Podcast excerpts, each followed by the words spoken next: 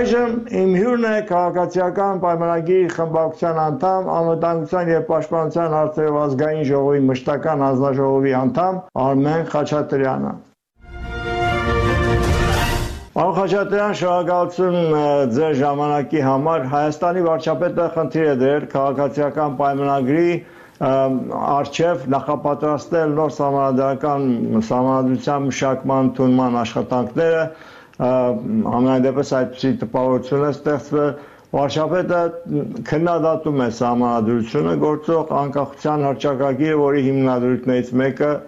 Լեռնային Ղարաբաղի եւ Հայաստանի միավորման նպատակի սահմանումն է իբրև պետականության հաստատման գործընթաց։ Հիմա վարչապետի ու քաղաքացիական պայմանագրի քննադատները ընդ որում ոչ միայն խորհրդարանական, այլ նաև կուսակցություններ,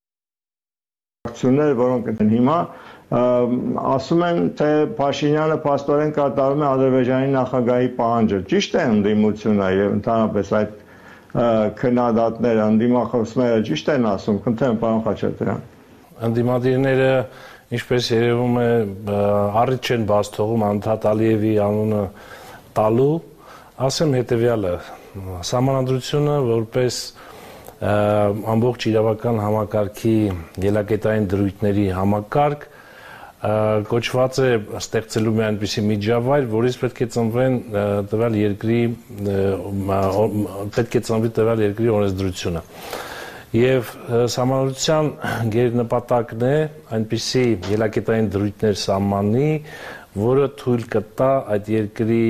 առավել արդյունավետ անվտանգության ապահովումը, տնտեսական զարգացումը, մարդու իրավունքների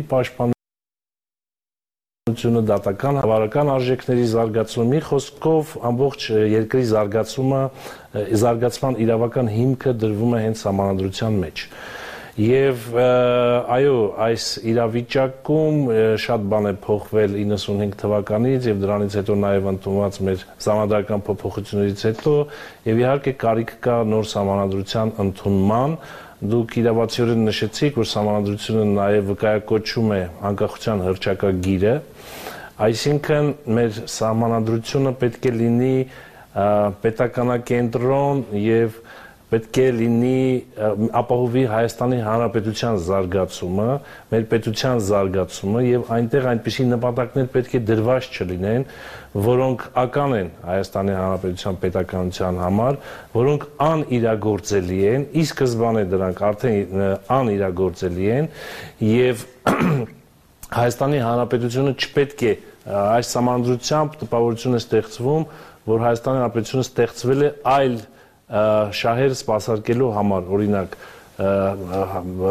որոնք անիրագործել են եւ որոնք ապացույցը ցավոք սրտի մենք տեսանք։ Այս ամենից ելնելով իհարկե անհրաժեշտություն առաջացել համանդրական փոփոխություններ, այսինքն նոր համանդրության ընդունման Իսկ ինչ վերաբերում է, որ Ալիևը ասեց, Ալիևը գնաց, Ալիևի մասին խոսում են այստեղ անդիմադիրները հիմնականում,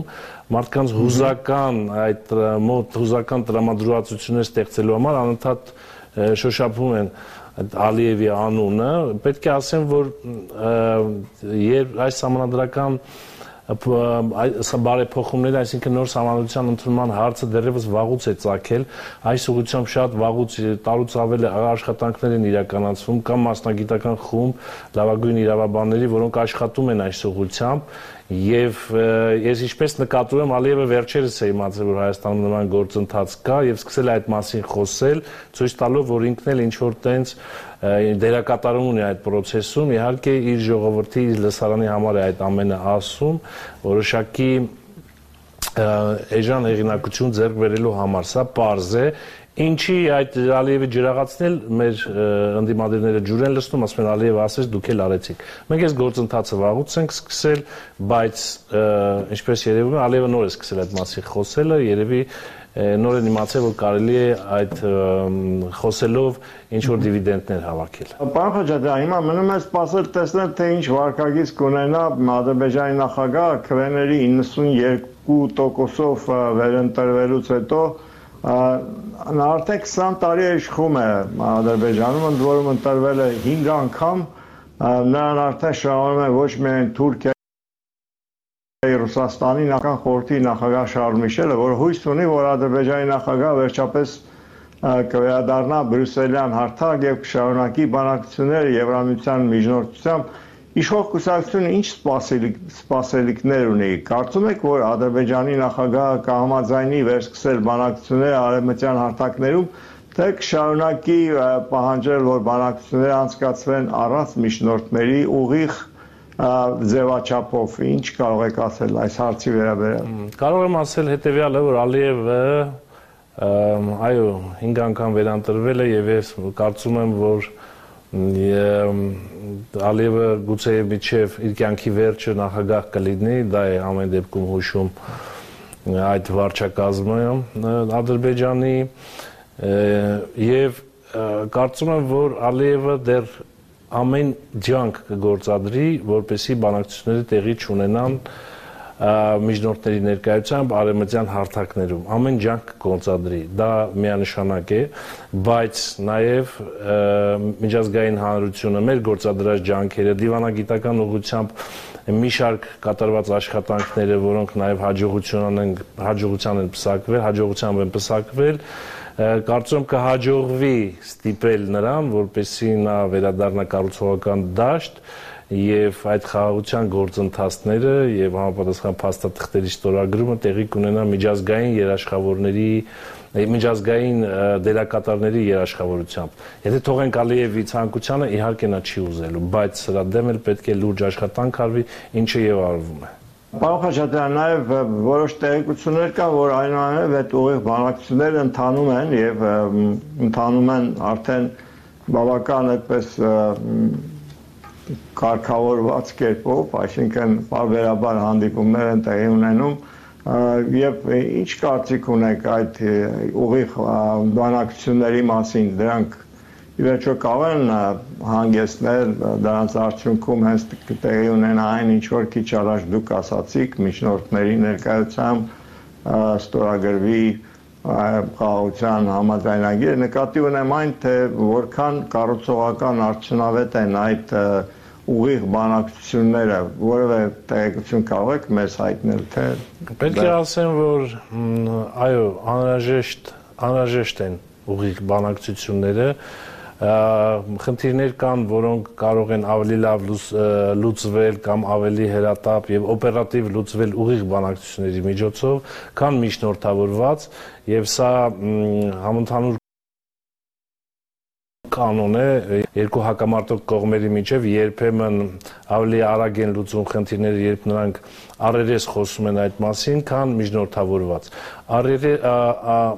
առանց միջնորդների այդ քննարկումները շատ կարևոր են, որը պետք է հանգեցնի այն ամենին, ինչը մենք ուզում ենք։ Պարոն Խաչատրյան, հիմա անցնենք պաշտպանության եւ անվտանգության հարցերին, կոնկրետ ձեր հանձնաժողովի աշխատանքին։ Հայաստանի պաշտպանության նախարարը խորհրդանում հայտարարեց, որ Հայաստանը վերջապես կարողացել է դիվերսիֆիկացնել պաշտպանական ոլորտը նոր համաձայնագրեր կնքելով Ֆրանսիայի, Հնդկաստանի հետ։ Նախարարի խոսքից կարելի է ենթադրել, որ զենքի գնումները այդ երկրներից լուրջ անվտանգային ռեսուրսներ են ապահովում Հայաստանի բանակի համար։ Ինչ կարող եք ավելացնել այս հարցում, խնդրեմ։ Պաշտպանության նախարարը այդ մասին խոսեց եւ պետք է ասեմ, որ պատերազմից հետո բավականին ծանր վիճակ է ստեղծվել եւ զենքի ձեռքբերման ռազմատեխնիկական համագործակցության ոլորտում վակուում էր